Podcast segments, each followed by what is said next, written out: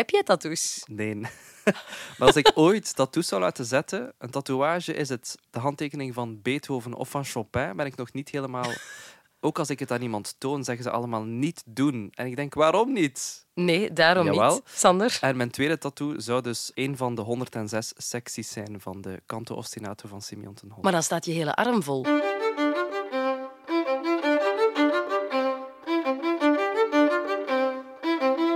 plots zitten we in 2024. Sander, een beetje laat, maar toch nog gelukkig nieuwjaar. Gelukkig nieuwjaar, Clara. Wat mag ik jou wensen? Eh, nog meer muziek dan in 2023. Nog meer? Nog meer muziek. Eh, meer sporten. Oeh, ja. Ik zwem wel graag. Oké, dan moet jij terug meer gaan zwemmen. Maar ik ben soms te lui om dan in het zwemhokje om te kleden. Bla, bla, Ik haat zwemmen, maar oké. Ja, ik vind dat zalig, maar ik doe het te weinig. Eh, ja. Oké, goede voornemens. En wat mag ik jou wensen? Eh, minder verkoudheden, want je hoort het, hè. ik ben nog maar eens verkouden. Ik krijg om de zoveel weken een cadeautje van de crash. Een virus of een verkoudheid. En daarmee heb ik het wel echt gehad. Dus eh, minder van dat in 2024, alsjeblieft. Maar kijk, Clara, je laat mij en onze luisteraars niet in de steek. Nee, klopt. Dus dat is heel lief. Dank je wel daarvoor. maar ik heb ook nog een klein cadeautje voor jou voor het nieuwe jaar. Oké. Ik ben ook iemand, als ik zelf een goed boek heb gelezen, dat ik dat ook graag cadeau geef aan iemand. Ja, zo iemand hoop- ben ik ook. Ja, dus ik, ik deel graag dingen waar ik van geniet. Wel, dit is mijn cadeautje voor jou. De Canto Ostinato van Simeon ten Holt.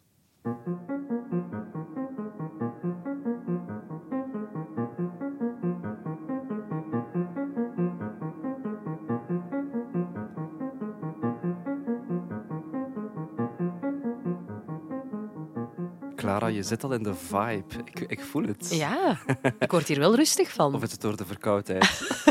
Een combinatie. Zonder overdrijven, hè? Echt waar. De laatste twee, drie maanden luister ik hier bijna dagelijks naar. Dagelijks. Ja. Echt waar. Dat is wel echt heel veel. Dus eh, in de auto, op de fiets, als ik aan het wandelen ben, als ik naar de, de winkel moet om boodschappen en ik wil een soort van rust. Ik wil dicht bij mezelf staan. Maar dan doe je toch heel traag boodschappen. Ja. Oei, Nee, maar ik snap- existentiële vraag. Nee, maar ik snap het wel. Het is inderdaad wel echt iets... Ja, het heeft iets heel meditatiefs. Hè? Alsof je bijna in een soort van trance raakt. Maar voor ik je helemaal kwijt ben, Sander. eh, dus Simeon ten Holt, een Nederlandse componist die nog niet zo heel lang geleden gestorven is. Hè? Nee, inderdaad. Hij is gestorven in 2012, twee maanden voor zijn 90ste verjaardag. Eh, die verjaardag zou normaal gevierd worden toen in het Concertgebouw van Amsterdam. Maar eh, dat heeft hij dus net niet gehaald. Maar gelukkig vieren wij hem dus vandaag in een nieuwe aflevering van Eerste Hulp bij Klassiek. En we beginnen ook in dit nieuwe jaar altijd met een korte introductie. Dus Sander, wat moeten we weten over Simeon ten Holt? En je krijgt daarvoor, zoals altijd, 30 seconden. Je moet heel veel weten. Simeon ten Holt was de zoon van de kunstschilder Henri ten Holt, opgegroeid in Bergen, Noord-Holland. Ten Holt kreeg les van Jacob van Domselaar. Waarom zeg ik dat? Die liet zich inspireren door de schilderkunst van Piet Mondriaan. Misschien belangrijk om te weten. In de jaren 50 trok hij naar Parijs om les te krijgen van Darius Milhaud. Was ook veel bezig ten Holt met muziektheater. Filosofie was grotendeels autodidactisch ook. Hij verdiepte zich in de jaren 60 ook in elektronische muziek. En vlak voor het jaar 2000 stopte hij met componeren omdat hij het gevoel had dat hij alles had verteld. En En jij hebt ook alles verteld in 30 seconden. Het is minimalistische muziek. Dus je moet het ook. Ik moet het Kort en bondig ja, houden. Voilà, minimalistisch houden. Ja, less is more, Sander. Ja. Nog een voornemen voor jou voor het nieuwe jaar. Ja, ga ik aan werken. Maar een- al een goed begin was dit, hè? Goed, hè? Fantastisch. Oké, maar het is ook, Sander, een componist die voor jou een bijzondere betekenis heeft. hè? Want dat heb je nu niet verteld. Nee. Eh, ja, eh, zoals je weet of zoals je niet weet, componeer ik zelf ook muziek. Ja. Voor eh, piano, voor vioolsolo, verschillende bezettingen. En voornamelijk ook repetitieve, hedendaagse muziek. Dus toen ik Simon ten Holt zijn muziek ontdekte, ja, ik ben eigenlijk gewoon naar zijn huis geweest in Nederland. Jij bent daar op residentie geweest. In 2023 ben ik drie weken daar in stilte gaan zitten. In het huis waar hij zelf ook heeft gewoond en gewerkt. En heb je dan ook een soort van canto ostinato geschreven daar? Nee, dat was de bedoeling, of ik zal zeggen. Ik had heel veel verwachtingen van die drie weken. Eh, want het is echt opstaan en meteen aan de piano kruipen. En daar gewoon spelen en tot in je, moet met niemand of niets rekening houden. Het is daar een eigen manier van tijdervaring. Maar misschien heb ik voor mijzelf de lat te hoog gelegd. En ik heb dan toen ook een paar goede gesprekken gehad met Colette, de vrouw van Simeon ten Holtz. Een heel lieve vrouw, een Belgische trouwens. Oké. En ze zei ook van, vergeet nooit wat Simeon ten Holt zei. Namelijk, wat morgen moet geboren worden, kan vandaag niet ontstaan.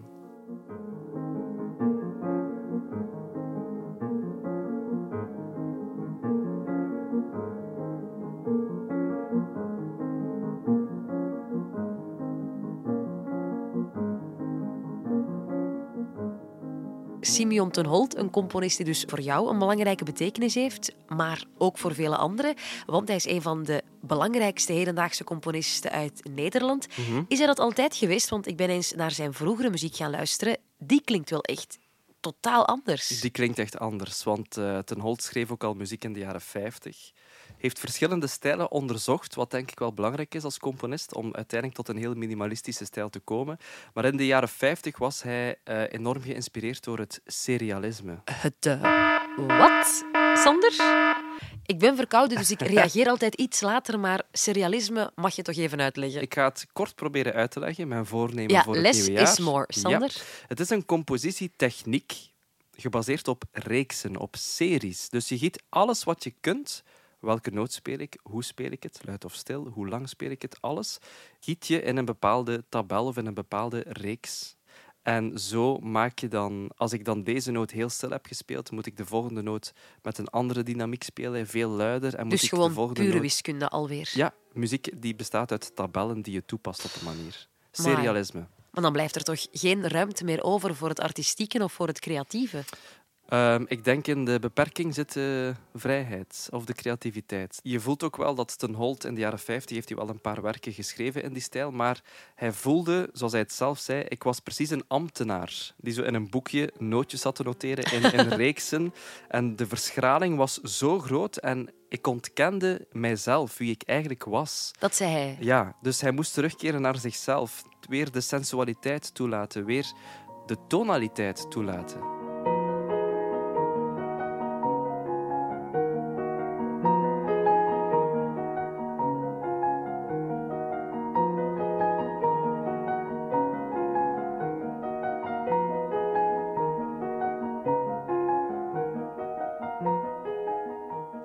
Wat ik ook zo straf vind aan deze muziek, elke keer wanneer je denkt dat je weet wat er gaat komen of wat er gaat gebeuren, dan gebeurt er toch weer iets anders, dan verandert er iets, waardoor het eigenlijk nooit saai of voorspelbaar wordt. Voor mij is canto ostinato echt ook therapeutische muziek. Ehm, het brengt mij tot rust, het, het, het relativeert op een manier dingen, maar het zorgt ook voor een onrust, een soort van kracht om vooruit te gaan. In die muziek voel je dat ook, dat die muziek vooruit gaat, maar ook soms op de rem duwt. Een soort van spanning en ontspanning. Dus En als- aantrekken en afstoten eigenlijk, heel continu. de tijd, heel de tijd. Er wringt iets. Het lost dan op en dan denk je het is gedaan. Nee, want dan is er weer iets nieuws wat, waar er naartoe wordt opgebouwd. Lost dan weer op en dat is voor mij de, de kracht van canto ostinato. Het mooie is ook, Simeon ten Holt geeft eigenlijk aan de muzikanten de vrijheid om te bepalen waar die muziek naartoe gaat, wat die balans is tussen spanning en ontspanning. Ze krijgen heel veel vrijheid en daardoor is geen enkele uitvoering van de canto ostinato dezelfde. Ja, maar hoeveel vrijheid kunnen die muzikanten krijgen? Want op zich moeten die toch maar gewoon spelen wat er op de partituur staat. Nee? Wel, de partituur is op zich al heel bijzonder. Eh, die begint met twee pagina's inleidende tekst. Nee. Heel filosofisch. Dus Ehm, meer tekst dan noten eigenlijk. Nee, wel nog, meer, wel nog meer noten. Maar bijvoorbeeld er staat... Tijd wordt de ruimte waarin het muzikale object gaat zweven. Het is... Maar het ja, was echt een filosoof. Begin en einde, het voor en na worden ter keuze gesteld. Een belangrijke rol speelt de tijd. Eh, de En dat schrikt die muzikanten niet af. Nee, want de muzikanten, zij beslissen over de maat van tijd. Verder, zij beslissen of maten en secties, afhankelijk van de plaats in de partituur, hernomen, gecombineerd, etc. zullen worden. En die secties, dat zijn dus delen van de partituur. Dat zijn eigenlijk blokken die je samen speelt. Eh, het is oorspronkelijk voor eh, vier toetsinstrumenten, vier piano's. Eh 106 blokken. En dan mag je als groep muzikanten bepalen... Oké, we gaan dit blok nog eens herhalen. Nu, ja, we gaan door naar het volgende blok. En zo bouwt die canto ostinato heel mooi op. En tegelijkertijd, dus het is geen compositie die van A tot Z vast ligt, maar het is muziek met een open, vrije vorm. En doorheen het werk voel je ook dat er wordt toegewerkt naar een bepaalde melodie, een bepaald gezang dat precies blijft duren. Voilà, canto ostinato.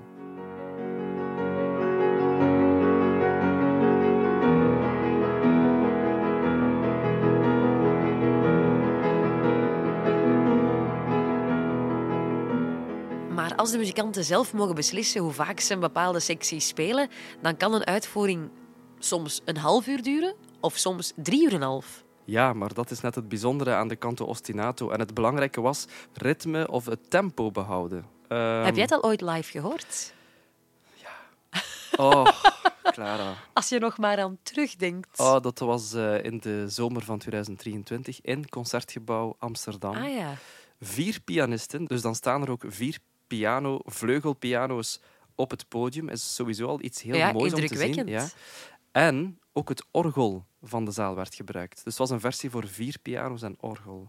Dat was echt ongelooflijk. En je voelt ook, heel de zaal gaat dan richting dat moment van inspanning, ontspanning. En hoe lang heeft het toen geduurd? 1 uur 20 minuten. Oh. Ja, of anderhalf. Ja. Maar voor jou had het dus dubbel zo lang mogen duren.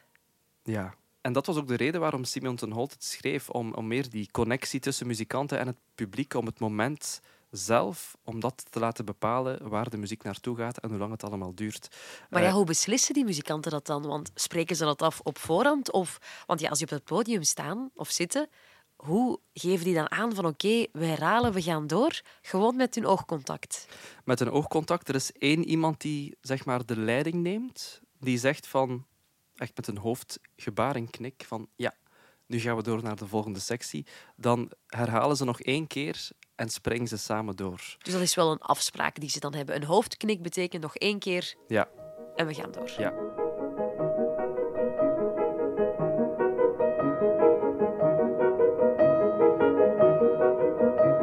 Clara, dit is sectie 88. En tijdens de première in 1979 was deze sectie te horen op een vooraf opgenomen opname.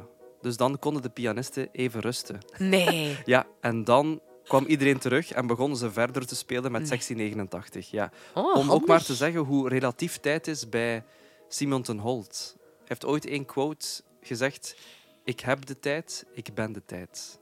Ik vind dat super inspirerend. Allee, ga maar wat terugschrijven Oh. in het huis van Simeon ten Holt. Zeg maar, ik moet wel nog iets doen. Ga jij ook nu sectie 88 opzetten en vertrekken? Wat is dit? Ja, ik denk toch een alarm voor Canto Ostinato, voor de titel. Ah, dus jij drukt af voor jezelf. Dat Ja. is pas een cadeau. Dank je wel, Sander. Ook een nieuw voornemen voor ja, dit zo jaar. attent. Want ja, met mijn verkoudheid zit allemaal niet zo helder in mijn hoofd. Nee, maar ostinato is misschien nog wel belangrijk om uit te leggen. Ja, leg maar uit. Eh, voilà. Eh, ostinato, obstinaat. Een obstinaat karakter is hardnekkig, koppig. Dus in de muziek is een ostinato iets wat hardnekkig door blijft gaan. Een, een continu herhaalde formule, een, een baspartij die je bijvoorbeeld herhaalt. Ook in de barokke muziek heb je heel veel aria's met een ostinato bas, dus een, een, een baspartij die continu terugkeert en waar dan op gezongen wordt. Dus dit is ook een ostinato. Uh, vooral het ritme, vind ik, is een ostinato. Die want de baspartij die verandert wel. Je voelt dat het harmonisch enorm evolueert. Het is een canto, zei Simeon ten Holt. Het is een canto, een zang die ostinaat is. Voilà. Een aanhoudend gezang. Ja, waar je ook echt naartoe evolueert. Ja, die les is mooi, Sander. Daar moet jij toch ook nog een beetje naartoe evolueren. Het mooie vind ik aan de canto ostinato en ook als Simon ten Holt als componist. Hij kon het heel goed verwoorden, maar het was ook iemand die dicht bij zichzelf stond en vooral die zichzelf de tijd gaf om dingen te laten ontstaan. Aan de canto heeft hij drie jaar geschreven en ook voor de canto ostinato was hij daar al mee bezig op een manier, want begin de jaren zeventig schreef hij dit.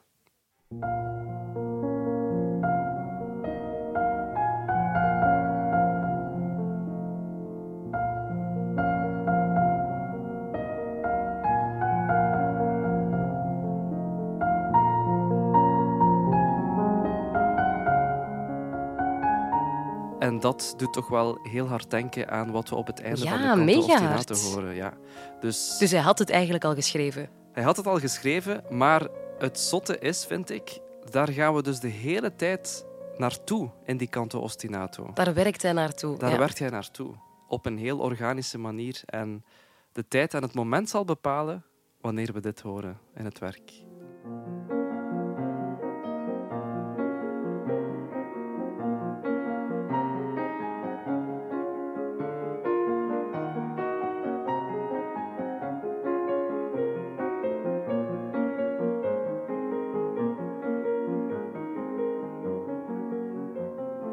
Nu vinden we dit allemaal geweldig, maar hoe waren de reacties toen na de première? Want als er zoveel experimentele en atonale muziek werd geschreven in die tijd, dan moet dit toch plots heel braaf en, en heel romantisch hebben geklonken. Ja, of het was net wat mensen weer nodig hadden.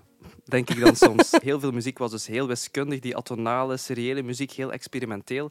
En dan plots komt Simeon ten Holt op 25 april 1979 in de Ruïnekerk, in een kerkje in Bergen.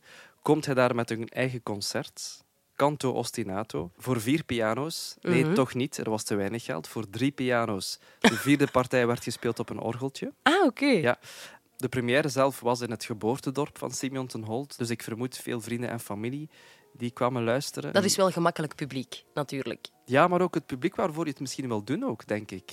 Die mensen die echt ook heel eerlijk zijn qua feedback, toch? Nee? Eh, ja, maar die gaan toch ook niet zeggen als ze het slecht vinden? Goeie vrienden wel. Eh, maar de grote doorbraak kwam er twee jaar later. In 1981, toen werd het uitgevoerd in het Stedelijk Museum in Amsterdam.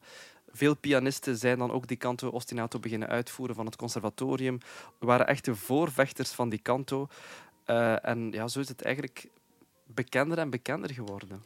Ook, denk ik, omdat ze de muziek op ja, heel toegankelijke plaatsen zijn gaan spelen. Niet alleen in, in concertzalen of in musea werd deze muziek gespeeld, ook in stationshallen, op grote pleinen. Er bestaan zelfs nog altijd, Sander, lichtconcerten. Dat je al liggend naar de canto ostinato van Simeon ten Holt kan luisteren. Zo'n lichtconcert heb ik nog nooit gedaan, maar ik eh, luister wel soms naar de canto ostinato om in slaap te vallen. Maar ik vind het wel moeilijk om in slaap te vallen. Ja, want het is ook wel echt onrustige muziek, vind ik. Ja, mijn aandacht blijft. Misschien moeten we het gewoon eens proberen, Gaan we het eens samen doen? naar een lichtconcert. Er zijn trouwens ook heel veel verschillende versies van de canto ostinato. Ik heb er zo een paar naast elkaar gelegd. Saxofoon, octet, solopiano en koor en orgel.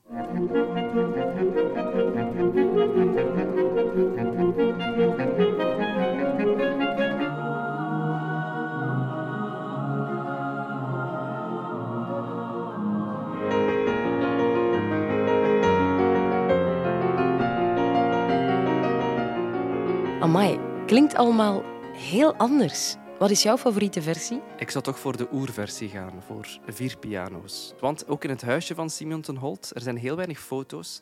Er hangt heel weinig kunst of wat dan ook aan de muur. Het is redelijk... eh, Minimal. min- minimal, inderdaad. Maar er hangt toch wel één foto aan de Van? muur van vier pianisten die de canto ostinato uitvoeren, een zwart-wit foto, in Tivoli Vredenburg in Utrecht. Oké. En dus die opname, of een opname van vier piano's, denk ik, was voor Simon ten Holt ook wel de belangrijkste. En Dus was hij een van die pianisten? in het begin van zijn carrière wel, maar dan heeft hij besloten om het zelf niet meer uit te voeren. Hmm, Ja. Oké, dat liet hij dan liever aan anderen Ja. over. Het is wel echt onwaarschijnlijk hoeveel impact deze muziek al heeft gehad op mensen. Want een paar jaar geleden is er ook een documentaire gemaakt over de canto ostinato. En er zijn echt, Sander, al mensen bevallen op deze muziek. Of sommige mensen hebben zelfs een deel van de partituur op hun arm. Ik zou misschien ooit wel een van die mensen zijn. Nee, heb jij tattoos? Nee. maar als ik ooit tattoos zou laten zetten, een tatoeage is het de handtekening van Beethoven of van Chopin, ben ik nog niet helemaal... Ook als ik het aan iemand toon, zeggen ze allemaal niet doen. En ik denk, waarom niet? Nee, daarom Jawel. niet. Sander? En mijn tweede tattoo zou dus eh een van de 106 secties zijn van de canto ostinato van Simeon ten. Maar dan staat je hele arm vol. Ja, maar ik zeg één van de 106 secties. Oké, laat het mij weten als ik jouw handje moet komen vasthouden, Sander. En laat mij vooral weten of dan zo een sectie van de canto ostinato, of dat ook sexy is.